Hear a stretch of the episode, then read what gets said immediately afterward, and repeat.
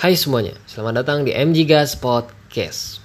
Oke, ini sekarang tanggal 30 Desember Jam setengah Jam jam 12 lah Jam 12 lewat sekian menit Dan jam 12 pagi 12 pagi apa 12 malam ya?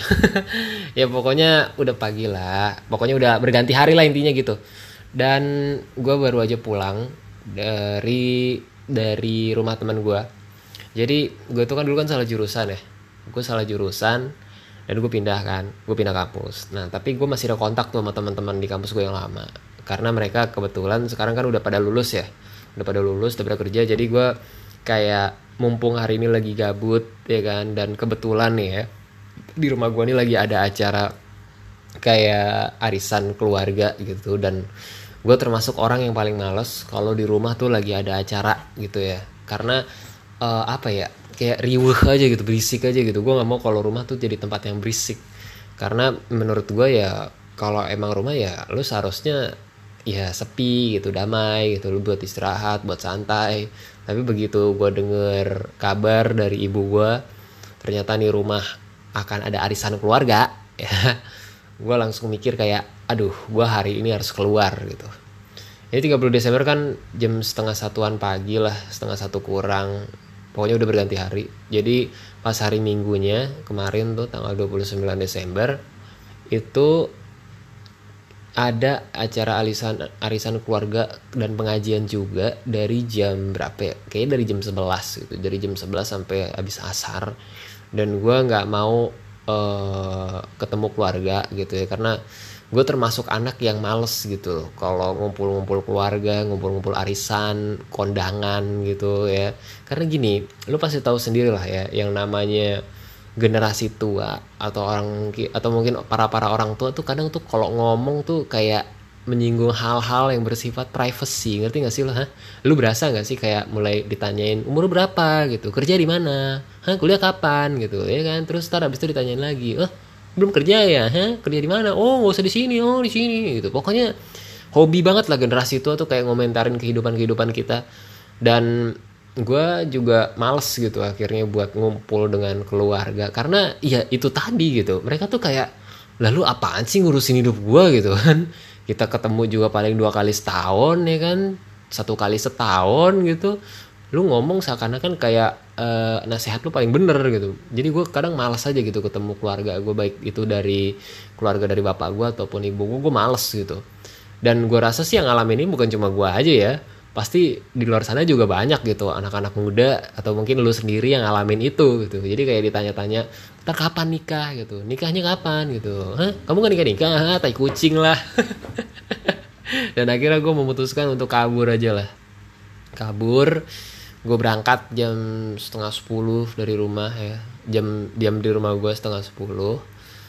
Jadi gue nyampe di sana tuh sekitar uh, gue kabur ke Istiqlal dulu. Karena di Istiqlal tuh sebenarnya kebetulan ada acaranya uh, kayak kajian bulanan Yusuf Mansur gitu. Dan gue ke Istiqlal tuh supaya ngilangin gabut juga dan gue datang ke sana. Cuman pas gue datang dia udah bubar. Paling gue dengerin ceramah dia tuh baru baru 10 menit dia udah bubar gitu. Karena dia mungkin ada acara lagi ada janji lagi di tempat lain. Jadi kayak ya udahlah sebentar aja gitu kan sampai jam 11 gue datang tuh ya duduk gitu nyampe di masjid Istiqlal. Itu dia baru kayak 10 menit gitu aku dengerin dia ceramah dia udah udahan.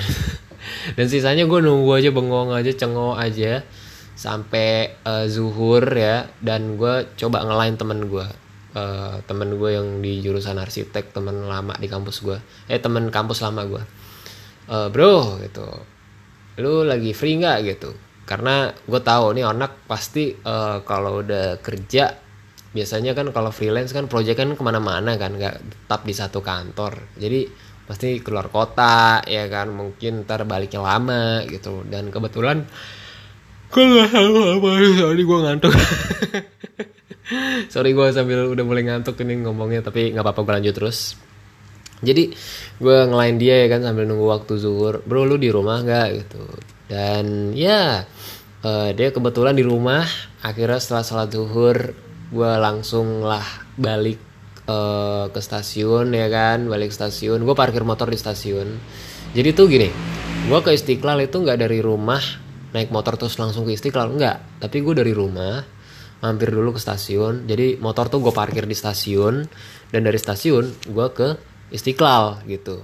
Jadi gue ke Istiqlal naik kereta gitu. Karena kalau gue naik motor dari rumah ke Istiqlal itu bisa makan waktu sejam gitu. Sementara kalau gue naik kereta ya paling dari rumah ke stasiun itu mungkin makan waktu sekitar 15 menit 20 menit ya kan. Terus di keretanya ya setengah jam gitu. Nggak capek lah gitu.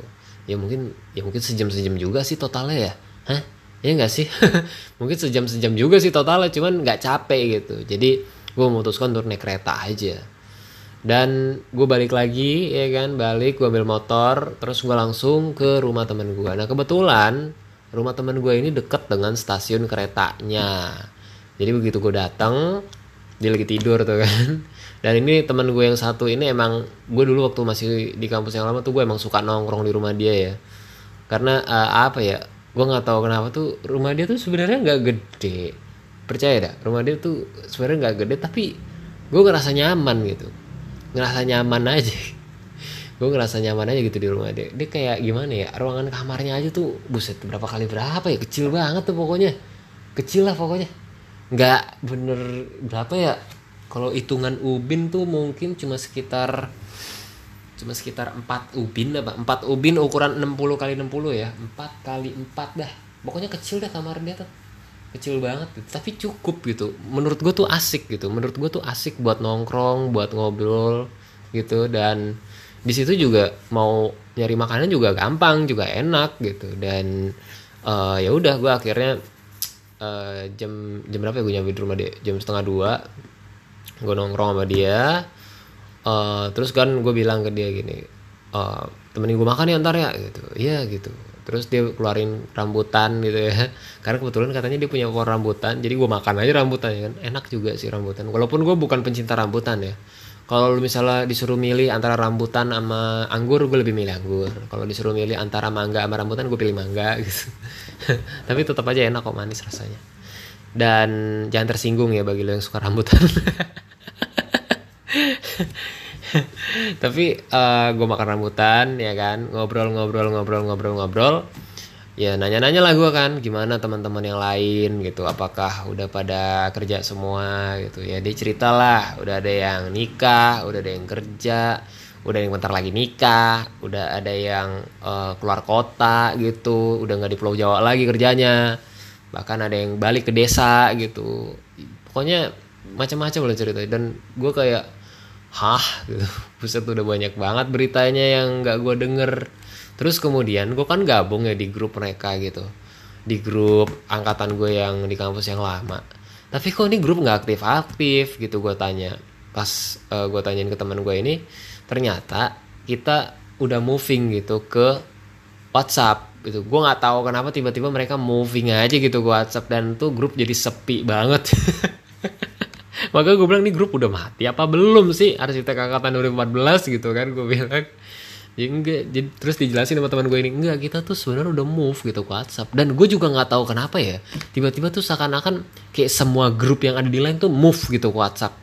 Gue juga bingung gitu. Bahkan uh, angkatan gue di kampus yang sekarang nih jurusan broadcast ya angkatan 2016 itu yang tadinya pakai line entah kenapa pindah gitu ke WhatsApp gitu. Gue juga gagal paham gitu kenapa ya pindah ke WhatsApp gitu? Ada apa gitu di line itu? Padahal jadi jujur aja gue udah lama banget ini nggak chattingan pakai line. Baru berapa berapa kali ya? Baru dua kali kayaknya. Baru maksud gue gini dalam jangka setahun setahun ini deh gue udah lama banget nggak pakai eh, nggak uh, pakai line gitu. Jadi itu kayak cuma sekedar kontak lama aja gitu. Dan gue chatnya pun juga di WhatsApp. Kalaupun misalnya gue menggunakan line itu karena gue menghubungi teman-teman lama yang gue nggak punya nomornya gitu loh. Jadi gue punya kontaknya nih tapi gue gak punya nomornya. Ya udah gue line gitu. Misalnya kayak gue hubungin teman gue yang di lenteng ini rumahnya nah itu gue hubungin dia pakai line gitu. Tapi ternyata udah pada pindah ke WhatsApp gitu. Pantesan kok grup grup arsitek angkatan depan gue sepi gitu. Ternyata udah pada pindah gitu kan ke mana? Ke WhatsApp. Terus gue ditawarin sama dia lu mau masuk gak ke grup gue mikir lagi kan. Gue kan pindah kan semester 3 gitu kan. Hitungannya tuh semester 3 otomatis gue nggak terlalu deket sih sama mereka gitu kan. Cuman ya ada lah momen-momen di mana kebersamaan antara gua sama angkatan 2014 arsitek ini cukup menyenangkan tuh ada gitu. Cuman gue kayak mau masuk ke grup lagi tuh kayak aduh kayaknya ini bukan gue lagi deh gitu kan. Karena ya pasti ada rasa segen lah gitu ketika lu tiba-tiba nggak mas ketika tiba-tiba lu nggak menyelesaikan studi lu di, di situ dan lu tiba-tiba pengen masuk ke grup itu kayak kayak apa sih gitu? Dan lu tau nggak? Di grup gua eh di grup uh, kampus gue yang sekarang angkatan 2016 jurusan broadcasting itu ada salah satu teman gua dia kuliah kan sampai semester 4 atau semester 5 gitu dia pindah. Terus tiba-tiba dia di kick gitu dari grup gitu yang ngekick itu teman gue lagi gitu teman gue yang uh, perempuan gitu. Gue nggak tahu kenapa tiba-tiba di kick gitu. Mungkin alasannya tuh karena pengen ngitung kali ya biar enak gitu kan. Jadi dihitung mungkin supaya jumlah anaknya pas. Gue nggak tahu ngitung apaan gitu di waktu itu. Apa mungkin pas lagi jalan-jalan jadi dia kebingungan ngitungnya gimana gitu. Sementara nih anak udah nggak kuliah lagi di sini jadi akhirnya di kick ya kan. Dan ya udah gitu. Uh, ada rasa segen gitu buat masuk lagi tuh. Ada rasa segen karena uh, lu udah nggak ngerasa bagian dari mereka gitu. Walaupun lu pernah menjadi bagian dari mereka tapi lu ngerasa udah nggak punya hak lagi gitu untuk gabung.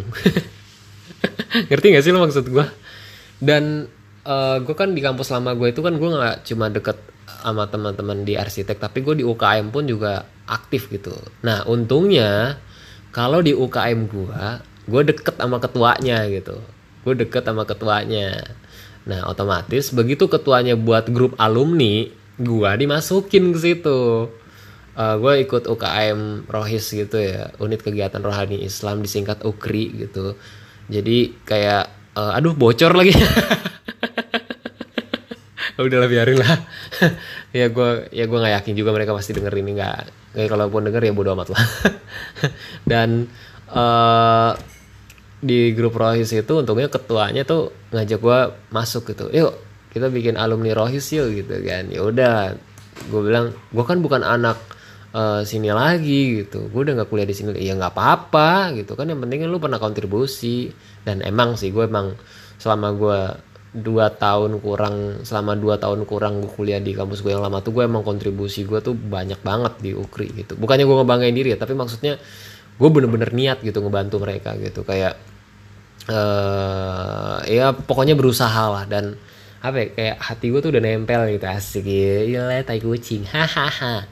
Kayak gue udah gue udah udah udah deket lah sama mereka dan di grup gue juga ngeliatnya kadang-kadang masih komunikasi juga gitu. Walaupun gue ngerasa kadang agak segen buat ngebales ya.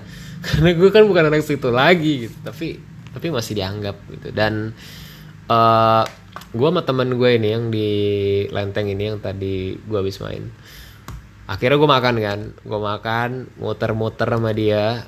Muter-muter cari makan tuh gue nggak tahu nih. Mungkin karena hari minggu dan menjelang tahun baru jadi warung makan tuh yang dia pilihin yang enak-enak tuh ya kan gue udah lama tuh nggak ke kampus sama ya kan? Jadi gue udah kaget gitu dengan perubahan-perubahan di sekitar yang muncullah ada mall ada gedung baru apartemen. Gue juga kaget kok tiba-tiba nongol apartemen gitu kan. Terus kemudian uh, sekolah lah apa gitu. Karena sangkin udah lamanya gue nggak pernah lewat situ mungkin setahun lebih kali ya setahun lebih gue udah nggak lewat-lewat situ jadi banyak gitu perubahan yang terjadi men. Gue nanya sama dia oh ini gedung ini oh ini gini. Terus gue dianterin lah sama dia kan ke satu tempat. Tiba-tiba tutup gitu kan. Gue cari lagi tempatnya tutup lagi gitu. Hmm, cari lagi tutup lagi. Akhirnya tuh kita makan mie ayam deket pom bensin gitu kan. Dan ya lumayan makan mie ayam. Terus gue ceritalah ke teman gue ini. Sebenarnya gue gabut itu karena gue mau ngindarin arisan gitu kan buat ngindarin uh, apa kayak ngumpul-ngumpul keluarga gitu. Karena gue males gitu. Pasti tanyanya tuh yang privacy privacymu males banget gue ditanyain kayak gitu. Dan uh, teman gue ini nanggepin. Ternyata dia bilang gini ini, ini penyakit milenial tuh kayak gini gitu. Penyakit generasi milenial tuh gitu. Males kumpul keluarga gitu. Dia bilang ke gue gitu kan. Males banget nongkrong nongkrong sama orang tua gitu kan. Ya gue juga sih kata dia gitu. Ya iyalah. Lu kan termasuk milenial juga gitu. Karena tuh ya emang yang gue bilang tadi gitu. Nongkrong sama generasi itu tuh kadang mereka tuh suka nanya hal-hal privacy yang yang seharusnya mungkin nggak boleh lo tanyain gitu. Buat apa juga lo tanyain gitu ya kan? Apa karena lo nggak mau karena karena nggak ada topik gitu ya kan? Akhirnya lo ngomongin itu dan nggak boleh gitu. Itu seharusnya lo membahas sesuatu yang di mana uh, tidak ada pihak tersinggung gitu loh ya kan? Bagusnya kan begitu. Cuman ya kadang gue nggak ngerti lah sama para orang tua orang tua di luar sana tuh. Nanyanya begitu mulu sih yang nyelkit ya kan apalah ya kan ngomong begini lah sok bener lah.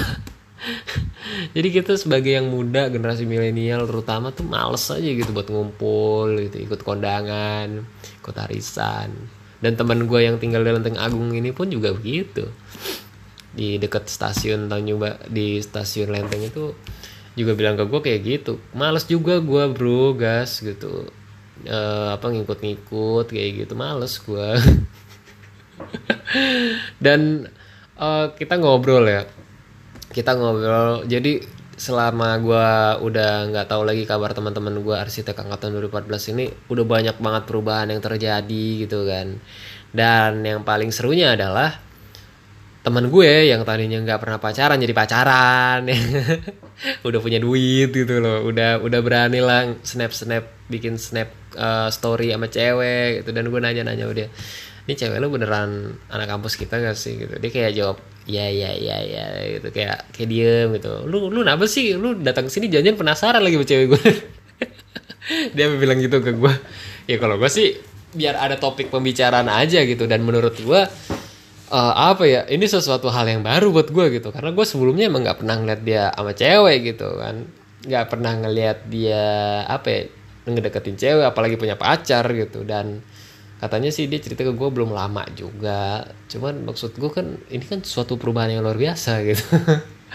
Dalam hubungan asmara tuh tadinya nih anak nggak ada serius buat ngelirik ke sana tuh nggak ada tapi tiba-tiba begitu lulus udah sarjana ya kan udah kerja baru lalu punya pacar gitu. Ya bagusnya sih emang begitu. Jadi tuh lu uh, ada modal sendiri lah buat ngedapetin cewek ya kan. Dan gue pribadi uh, apa ya apalagi ya tadi tuh kita ngapain aja? Gue lupa. Oh iya. Tadi tuh kan gue pas lagi makan makan mie ayam. Itu kayak uh, dia bilang ke gue e, gas sorry ya gue nggak bisa nemenin lu lama-lama gitu. Karena gue harus balikin motor nih motor cewek gue gitu. Lah motor cewek lu sama lu gitu kan gue bilang. Iya gue pakai semalam gitu. Terus gue bawa pulang rumah. Terus cewek gue minta dibalikin lagi karena motor mau dipakai. Ya udahlah uh, eh, gue rencananya tuh sebenarnya udah mau pulang tuh habis itu. Cuman gini gue berpikir bahwa ini kan di rumah kan yang namanya arisan nih kan keluarga itu kan pasti lama ya. Masih rempong gitu kan maksud gue pasti ntar pasti banyak ngobrolnya apalah ya kan selonjoran santai-santai dulu gitu. Jadi gue pikir wah ini pasti lama nih. Gue mikir ya udahlah. Gue ditawarin sama dia atau enggak lu ikut gue aja gitu. Ntar uh, lu buntutin aja dari belakang gitu ya kan karena gue ju jujur aja gue nggak tahu nih kalau misalnya gue naruh motor terus lu nggak ngikut gue nggak tahu nih baliknya gimana. Mungkin gue naik grab kali. Dan akhirnya gue ngikutin dia kan. Dia jalan pakai motor ceweknya gue juga ngikutin dari belakang itu kita berangkat dari rumah dia. Gue pikir deket kan. Totonya ada sejam kali gue di jalan itu gue bilang buset ini jauh juga gue bilang.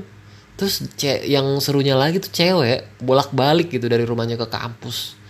Uh, kampus gue itu di Jakarta Selatan. Rumahnya dia itu di Depok Cibinong apa apa apa gitu. Lupa gue daerah apa gitu. Pokoknya di, lewat Tangerang Selatan dah lewat Tangerang Selatan terus tiba-tiba ke Depok aja gitu. Gue gue nggak ngerti deh.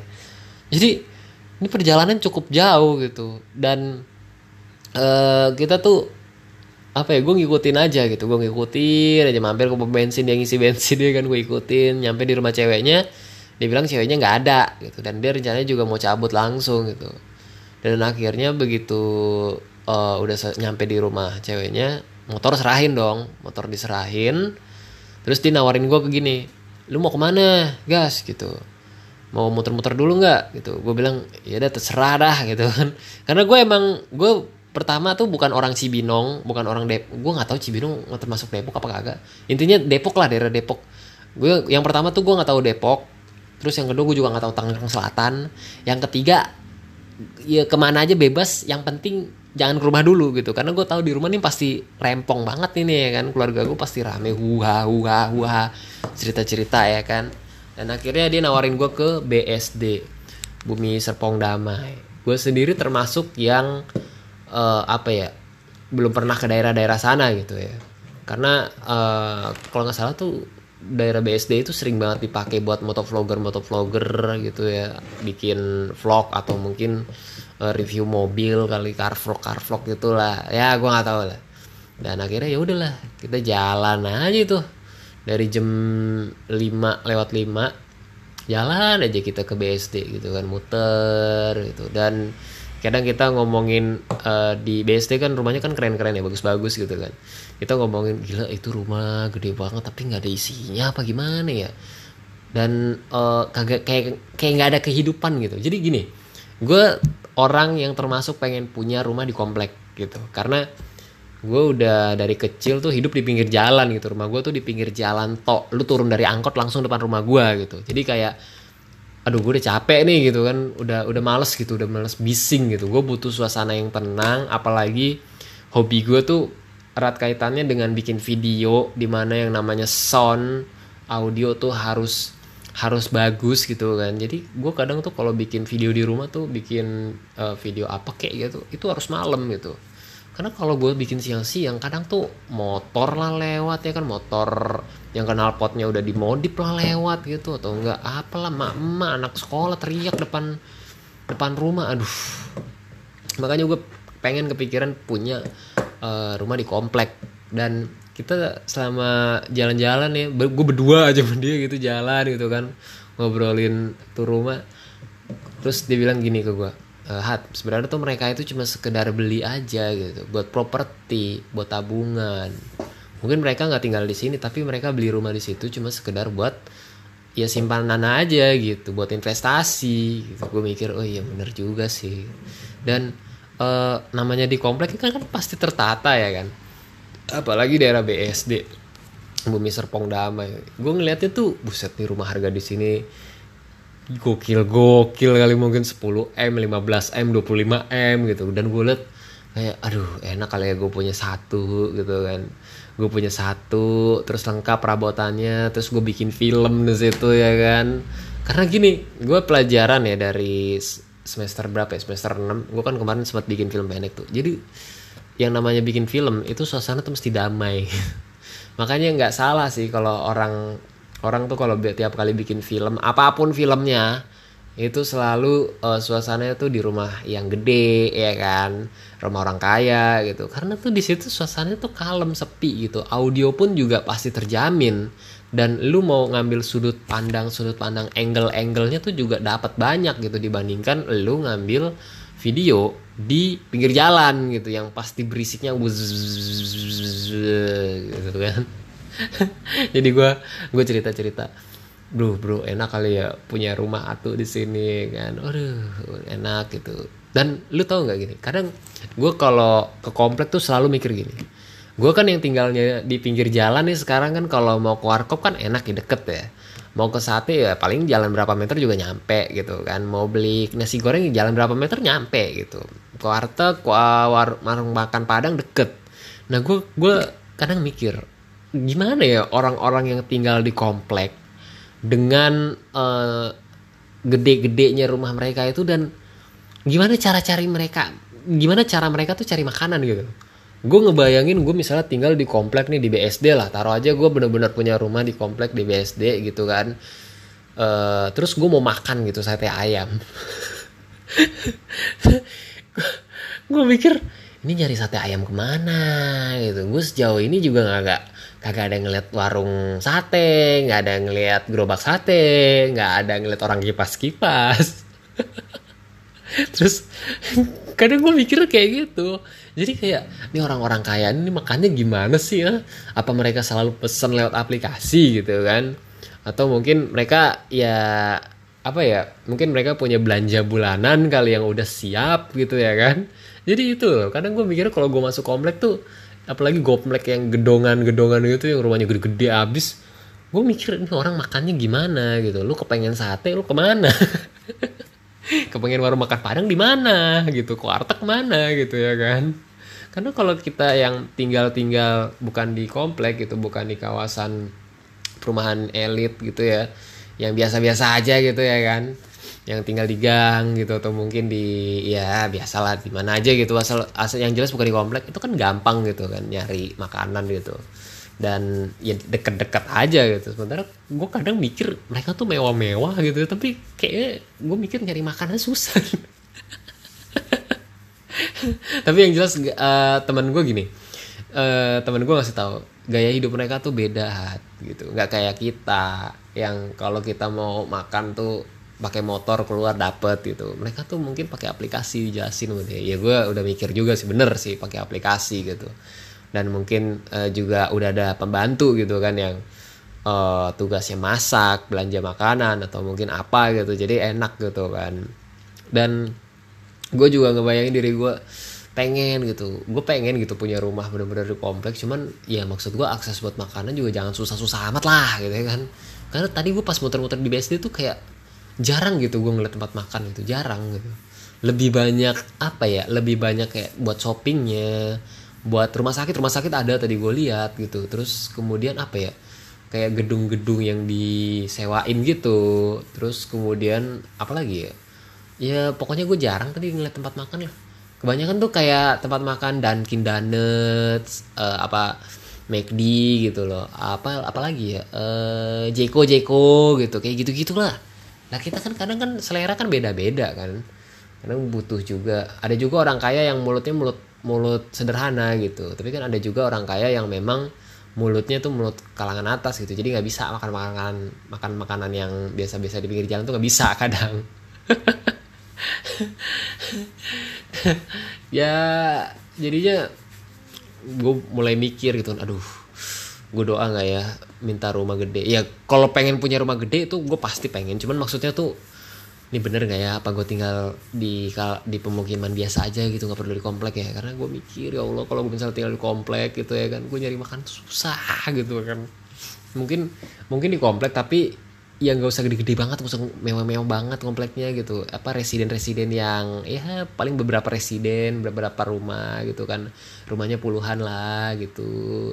Nggak usah yang gede-gede gudung-gudungan karena susah juga nyari tempat makannya. Ya gimana ya? Uh, gue gue terus terang gue pengen ngerasain gitu hidup hidup enak gitu kayak lu punya rumah gedong ya kan tenang gitu jauh dari keramaian lu berkarya bebas nggak terganggu dengan tetangga atau mungkin bisiknya motor orang kendaraan gitu. Dan suasana lebih bersih lebih tertata karena jujur aja ya ini tiap malam Jumat depan rumah gue ini selalu ada pasar malam gitu. Dan itu jujur kadang tuh ganggu banget bukan ganggu banget ganggu bukan ganggu banget sih gimana ya ganggu parah lah intinya gue jujurnya gue nggak suka gitu. Cuman emang gimana ya? Mungkin RT-nya emang mata duit kali ya emang mata duit jadi kayak emang udah sekongkol sama RT-RT yang lain ditambah sama RW sama kelurahan udah sekongkol kali. Gue nggak ngerti juga.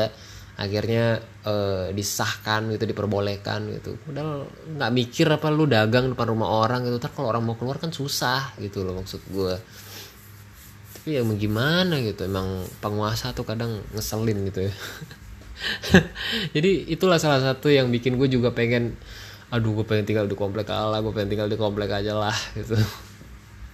Dan gue ini ini uh, pemikiran gue ya.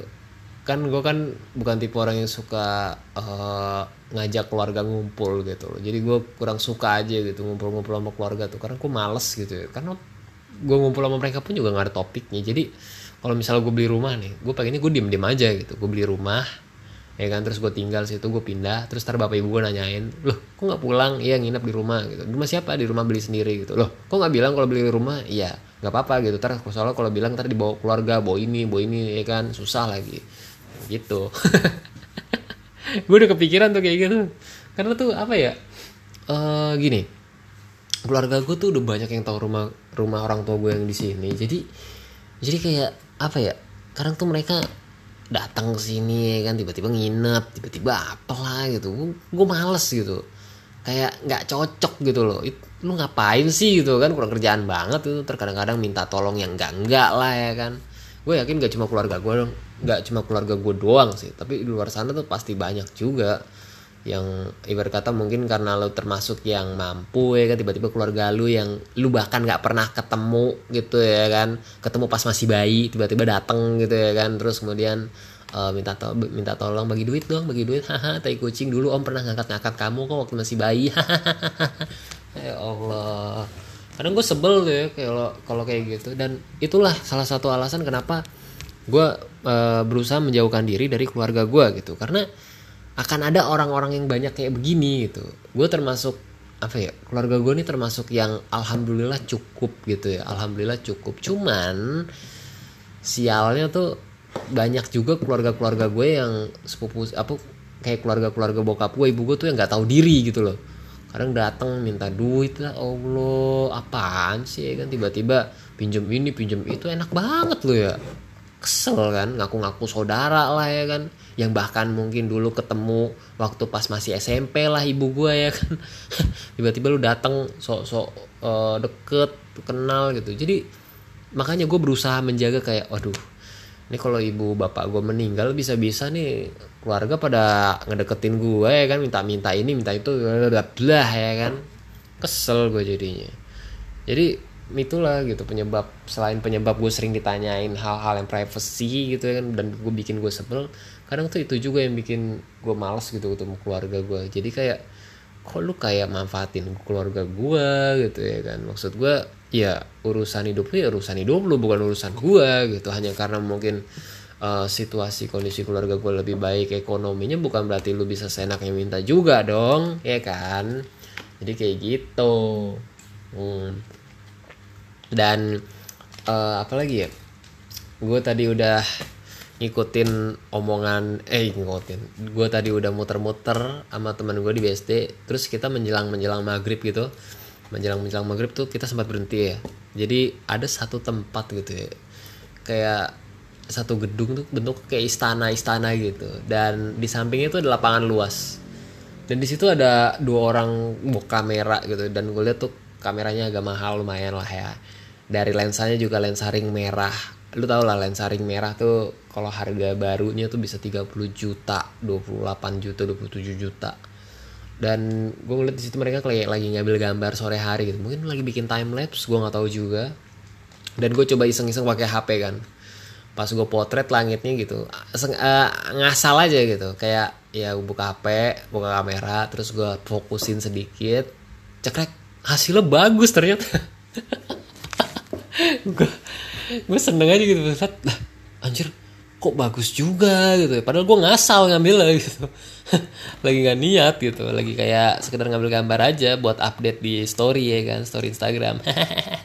Terus kemudian uh, gue ngeliatin ini bapak-bapak dua orang lama banget ya kan fokus banget. Gue kayak dalam hati tuh nyesel juga gitu. Aduh kalau pemandangan sebagus ini matur gue buka kamera aja gitu. Cuma kan niat gue tuh ke rumah teman gue tuh cuma sekadar buat gabut aja ngisi waktu supaya waktu berlalu ya kan hari ini berlalu dan nggak ada kepikiran juga kita bakal ke PST dan di BSD tuh gue juga ngeliat ada yang main drone itu kalau nggak salah. Gue juga ada rencana mau beli drone gitu karena apa ya kayaknya tuh sekarang orang bisa drone tuh udah salah satu skill yang uh, sangat uh, perlu ya udah diperlukan lah intinya gitu oh, untuk ngebuat film untuk ngebuat video iklan kah apa kek gitu atau mungkin dokumenter itu udah udah perlu kayaknya drone gitu. Makanya gue sekarang nih lagi nabung mau beli drone rencananya. Tapi tapi gue mikir-mikir lagi karena gue termasuk yang jarang gitu mau pakai drone ya mau mau bikin apa gitu. Gue mau pakai drone tuh tujuannya sebenarnya cuma ya supaya pengen bisa aja dulu gitu. Jadi begitu gue dikasih nggak kagok gitu loh. Jadi walaupun apa ya target gue tuh walaupun gue nggak punya tapi bisa lah gitu. Tapi masalahnya gimana gue mau latihan? Gue mau punya temen yang ada drone aja kagak ada gitu kan? Jadi gue harus ada nilai plus gitu loh. Nah inilah gue lagi nyicil nabung. Sebenarnya mungkin bulan depan duitnya udah kekumpul gitu. Udah bisa buat beli drone. Cuman gue mikir lagi. Kan gue skripsi nih besok ya kan? Skripsinya buat film. Nah ini duit kalau dipakai buat uh, ngurus skripsi ini insya Allah nutup gitu. Cuman ya itu tadi yang gue bilang gue di sisi lain juga butuh skill gitu buat nambah kemampuan gue jadi gue mikir lagi nih aduh nih duit buat gue pakai beli drone apa buat gue pakai skripsi? Gitu apa tugas akhir? Hah emang udah ribet banget tuh bener-bener. Dan uh, apa ya tapi intinya ya gue bersyukur lah dengan gear yang gue punya sekarang di kelas gue di kelas gue ya di kelas gue gue ini termasuk anak yang punya gear yang cukup gitu untuk uh, melakukan produksi sebuah film termasuk yang cukup gitu.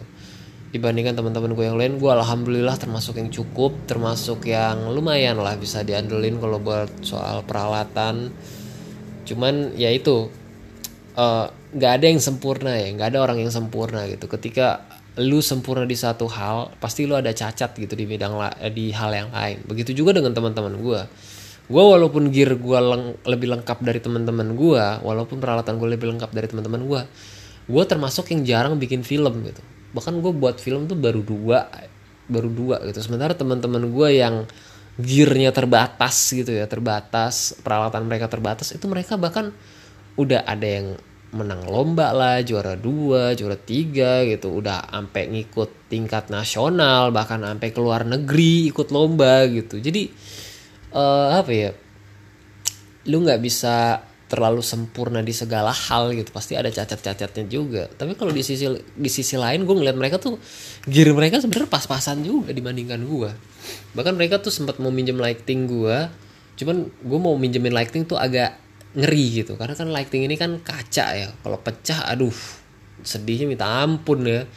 Daripada gue minjemin lighting mendingan gue minjemin kayak stand gitu. Kayak stand atau mungkin uh, slider tripod gitu. Gue mendingan minjemin itu daripada minjemin lighting. Karena tuh kalau pecah tuh aduh gue nyesek tuh minta ampun. Dan uh, dalam pembuatan video lighting itu adalah hal hal yang sangat penting gitu. Ya nggak cuma video sih foto pun juga begitu.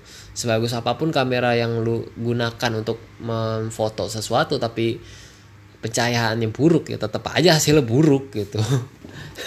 Jadi lighting itu tuh hal yang sangat gua apa ya gue perhatiin gitu ketika gue buat video walaupun kadang-kadang gue kalau ngebuat video juga ya kadang cuma masang dua lightingnya udahlah deh yang penting ngasal terang lah gitu. Tambahin sedikit modif-modif warna ya kan.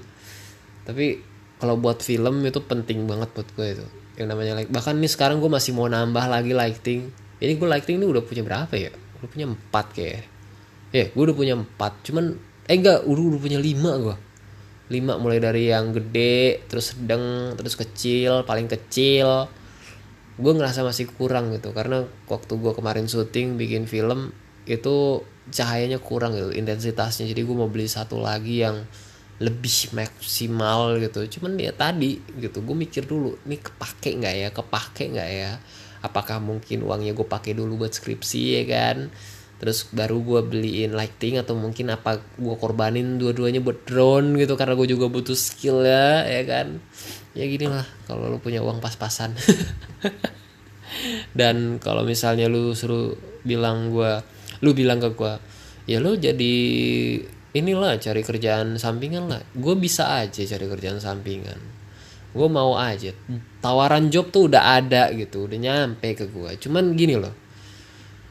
Kalau gue ngambil job kalau gue ngambil tawaran takutnya ngeganggu kuliah Nah kalau nggak ganggu kuliah, gue ini kan termasuk orang yang lulusnya udah ngaret gitu ya kan, udah pernah kuliah di kampus lama dan sekarang pindah lagi ke kampus baru jadi lulusnya ngaret gitu. Teman-teman udah pada lulus, lu masih baru ngurus skripsi gitu. Di teman-teman lu sudah pada kerja, lu baru nyusun skripsi gitu kan jatuhnya. Jadi gue nanti takutnya ganggu kuliah dan orang tua gue marah marah lagi gitu kan kayak udah fokus aja lah kuliah gitu. Wow, wow, wow. jadinya itu gitu. Jadi makanya gue aduh gue bimbang nih antara beli lighting kah beli drone atau mungkin ngurus skripsi gitu. Tapi kalau misalnya gue buat film nih skripsi ya kita lighting butuh juga gitu. Butuh butuh. Kalau lu nanya ke gue berapa bang harganya? Harganya tuh cukup buat beli HP sih. HP apa ya uh, HP Samsung J6 Plus gitu mungkin mungkin. Ya, ya pokoknya gini dah. Ya pokoknya lighting itu nggak nyampe harga nggak nyampe nggak nyampe. Susah gue yang menggambarkannya ya. Karena takutnya nanti kalau gue sebut harganya uh, lu bilang oh mahal juga ya. Gitu. tapi kalau gue nggak sebut susah juga menggambarkannya. Intinya ini lighting mahal. Deh gitu aja deh. Lighting mahal semahal apa bang? Iya lu menurut lu semahal apa terserah deh. Pokoknya bagi gue yang namanya lighting walaupun harganya di bawah sejuta ya cu kan di bawah sejuta lagi. Maksudnya di bawah tujuh ratus ribu gitu ya tapi buat gue tuh mahal gitu. Karena tuh yang namanya lighting tuh dalam sebuah pembuatan video tuh menurut gue mahal banget. Kalau kalau audio ya tuh ya penting juga sih. Cuman maksud gue gimana ya uh, video tuh lebih ke gambar intinya lah gitu udah. Dan setelah gue muter-muter sama teman gue ya kan ngomongin di BSD ini ini cerita sorry ya lu kalau dengerin cerita gue dengerin podcast gue nih jadi ngalor ngidul entah ke mana. Ya karena emang gini gitu podcast gue emang ngalor ngidul. Tapi uh, intinya uh, lu dengerin aja. Begitu gue ya selesai uh, gue pulang kan. Gue eh gue nggak. Begitu selesai gue ke rumah lagi ke rumah teman gue lagi balik dan kita sholat gitu. Ada satu insiden yang menyebalkan gitu ya. Jadi gini uh, kalau lagi hujan gini kan kecoa kan pada keluar kan. Kecoa pada keluar gitu. Terus gue cerita ini ngakak sendiri nih. Karena baru baru aja gitu kejadiannya. Jadi begitu kita lagi duduk santai gitu kan di ruangannya itu tiba-tiba ada kecoa terbang masuk gitu. Lu bayangin dong dengan ukuran ruangan yang uh, cuma berapa ya? Meter ya? Cuma 3 meter aduh 4 kali 4 meter lah. 3 meter 3 meter. Lu bayangin aja. Kalau ada ubin ukurannya 60 kali 60 ya. Nah lu hitung aja tuh 4 biji ke samping 4 biji ke belakang. Nah segitulah ukuran kamar dia kecil kan. Nah lu bayangin ukuran kamar dia tuh segitu terus tiba-tiba ada kecoa terbang masuk gitu. Gue panik sepanik panik ya. Gue panik sepanik panik gue buka pintu gue keluar kan. Nah apesnya lu tau gak apa? Apesnya begitu gue keluar gue nggak sadar itu kecoa nempel di badan di baju apa di jaket gue di sweater gue gitu. Gue keluar gue gue ketawa ketawa di luar kan ngakak ngakak gitu ngeliatin temen gue di dalam. Terus pas gue balik temen gue bilang hat itu kecoa di belakang lu gitu. Gue kayak nggak percaya ah yang bener lu gitu kan. Yang bener. Pas gue masuk kan gue ngaca ke lemari uh, ke lemari. Bener dong tuh kecoa jalan di punggung gue gue langsung panik gue peperin aja ke teman gue gitu kan. Kita, kita langsung kita itu kita kita, kita kan uh, jadi kamarnya itu kan langsung keluar gitu ya. Langsung ke uh, langsung ke arah rumah orang gitu kan jadi ada pintu yang langsung ngarah ke arah rumah orang gitu. Jadi gue langsung keluar kita diliatin orang gitu. Kita diliatin orang. Kita gue meper ini gue mepet mepetin badan gue ke dia. Sebenarnya tujuannya tuh supaya dia ngegeser tuh kecoa dari punggung gue cuman dia, kayak dia kayak apa ya? Kayak nggak mau gitu. Kayak lu kenapa sih pakai masuk lagi gitu? Lu kenapa sih gas pakai masuk? Lagi udah bener di luar gitu kan? Lu lepehin itu kecoa gitu. Jadi gue gue buru-buru gue gesek-gesek mau gue ke badan dia gitu. Kita kita di situ berdua ketawa-ketawa kayak orang gila kan. Diliatin orang gitu dari luar. Gue gue cuek bebek aja bodo amat. Gue udah geli duluan ya kan. Gini loh gue geli sama kecoa itu semenjak uh, gue tahu di perut kecoa tuh ada cacing gitu loh. Jadi jadi semenjak gue tahu di perut kecoa tuh ada cacing gue udah mulai geli gitu sama kecoa dulu mah gue nangkep nangkep aja gitu ya kan. Slow slow aja gitu. Dan uh, parahnya lagi dulu gue pernah ngalamin tuh depan rumah ada kecoa uh, dimainin sama kucing kan. Terus pecah gitu. Pecah gue ngeliat ada cacing keluar gitu. Ada cacing maksudnya tuh dari pecahan perutnya itu ada cacing gitu di situ. Gue kira mie kan tadinya kan. Gue ngeliat gerak-gerak gitu. Dan cacingnya tuh bukan cacing merah tanah gitu bukan. Cacingnya tuh warna putih gitu. Putih halus-halus gitu. Jadi dan gue denger tuh katanya cacingnya itu bisa nembus kulit. Jadi gue langsung kayak bergedik gitu kan langsung merinding gitu. Makanya gue semenjak itu sama kecoa tuh kayak udah takut banget gitu udah fobia gitu. Gue udah kadang gue ngeliat rambut gitu kan di di apa ngeliat apa tuh kayak serabut serabut gitu. Kadang gue mikir oh jangan-jangan nih antenanya kecoa lagi. Ini jangan-jangan antenanya kecoa gitu. Gue sangkin gelinya sama kecoa gitu ya. Sangkin gue malesnya sama kecoa tuh gitu. Kita udah ketawa-ketawa gue gue gesek-gesek badan gue ke dia gitu meperin. Biarin udah kira goblok orang goblok dah. Udah gue peperin aja gue gesek-gesek badan terus gue lihat kecoanya di samping gue gitu kan jalan nih gue langsung lari keluar gitu kan. Gue geli-geli sendiri gitu. Jalan lagi gitu. Aduh dan tuh kecoanya masuk lagi ke lemari dia. Gue nggak tahu lagi tuh kabar kecoa gimana. Ya udahlah. Pokoknya setelah itu gue barulah pulang ya kan. Baru pulang dan gue nyampe di rumah dan gue buatlah podcast ini gitu. Padahal tuh baju baru apa ya baru gue ambil gitu tuh baju baru gue pakai hari ini. Tuh sweater baru gue pakai hari tapi aduh udah ada kecoa gitu jalan di badan gitu kan. Untungnya nggak masuk aja ke baju gue ya kan. Waduh kalau sampai masuk baju gue buset ya gue nggak nggak ngerti dah. Gue udah buka baju udah gue banting banting kali baju gue emang udah kecoa terbang tuh musuh musuh yang paling menyebalkan. Dan gue heran ya nggak tahu kenapa tuh kita ya kita yang manusia itu kalau ngeliat kecoa kan menjauh ya. Tapi entah kenapa tuh? Kayak kecoa nyamperin kita gitu. Lu berasa gak sih ya? Kalau lu ketemu kecoa gitu ya apalagi yang terbang gitu. Kok dia malah ngearah lu gitu? Kayak nantangin ngajak ribut gitu ya kan? Dan di Instagram Instagram pun gue ngeliat video orang yang berurusan dengan kecoa tuh pasti begitu. Kayak udah disemprot semprot semprot, semprot tiba-tiba dia terbang ke arah lu gitu ya kan? Terus uh, lari ke kaki lu gitu. Selalu kayak begitu. Kenapa ya kecoa tuh ya? apa dia punya insting sendiri kah gitu padahal gue denger dengar menurut ilmuwan ya ada ilmuwan dari mana gitu kecoa itu bisa bertahan hidup selama tujuh hari walaupun tanpa kepala gitu. Jadi kayak uh, dia bisa hidup tanpa kepala gitu. Intinya kan dia nggak perlu kepala kan. Dan gue mikir aduh ini gimana ya? Kok kecoa nih kayak punya insting gitu buat nyerang kita gitu ya kan? Ketika kita lagi ada uh, buat ngurusir dia gitu. Dia kayak tahu gitu buat datengin kita. Gitu. ya Allah ini ini adalah salah satu pengalaman terburuk gue dengan kecoa ya hari ini tepatnya tuh aduh ya Allah sampai nempel di punggung gue gitu. Dan gue ngaca gitu di lemari set jalan kecoanya berangke. Gue bilang aduh ya Allah untung ada nggak masuk gitu. Gitu jadi nggak masuk ke baju gue gitu. Gue udah geli-geli sendiri gitu. Dan tapi ya udahlah itu udah berlalu gitu udah biarin ada lewat gitu. Gue nyampe rumah langsung gue buka sweater buka celana masukin ember bodo amat walaupun baru pakai sekali juga tuh sweater ya kan. Geli gue bener-bener geli gitu. Gara-gara gue tahu di perutnya ada cacing gitu. Sebenarnya sih kalau ngeliat kecoanya ya ya udahlah gitu ya kan. Cuman gue gara-gara tahu di dalam perutnya tuh ada cacing dan gue udah ngeliat sendiri dengan mata kepala gue sendiri di perutnya tuh ada cacing dan benyek gitu ya kan ngeluarin cacing putih tuh gue jadi geli. Jadi hati-hatilah ya bagi lo yang mungkin ngeliat kecoa. Saran gue gini lo kalau ngeliat kecoa itu jangan ditepok gitu. Kebanyakan orang-orang kan tepok ya sampai benyek gitu. Jangan. Itu cairan di dalam perut itu keluar gitu loh. Jadi saran gue kalau bisa ditangkap gitu loh. Ditangkap ya kan? Terus keluar. Kalau enggak lu semprotin aja udah pakai apa pakai pakai baygon ya kan? Biar perang-perang gitu.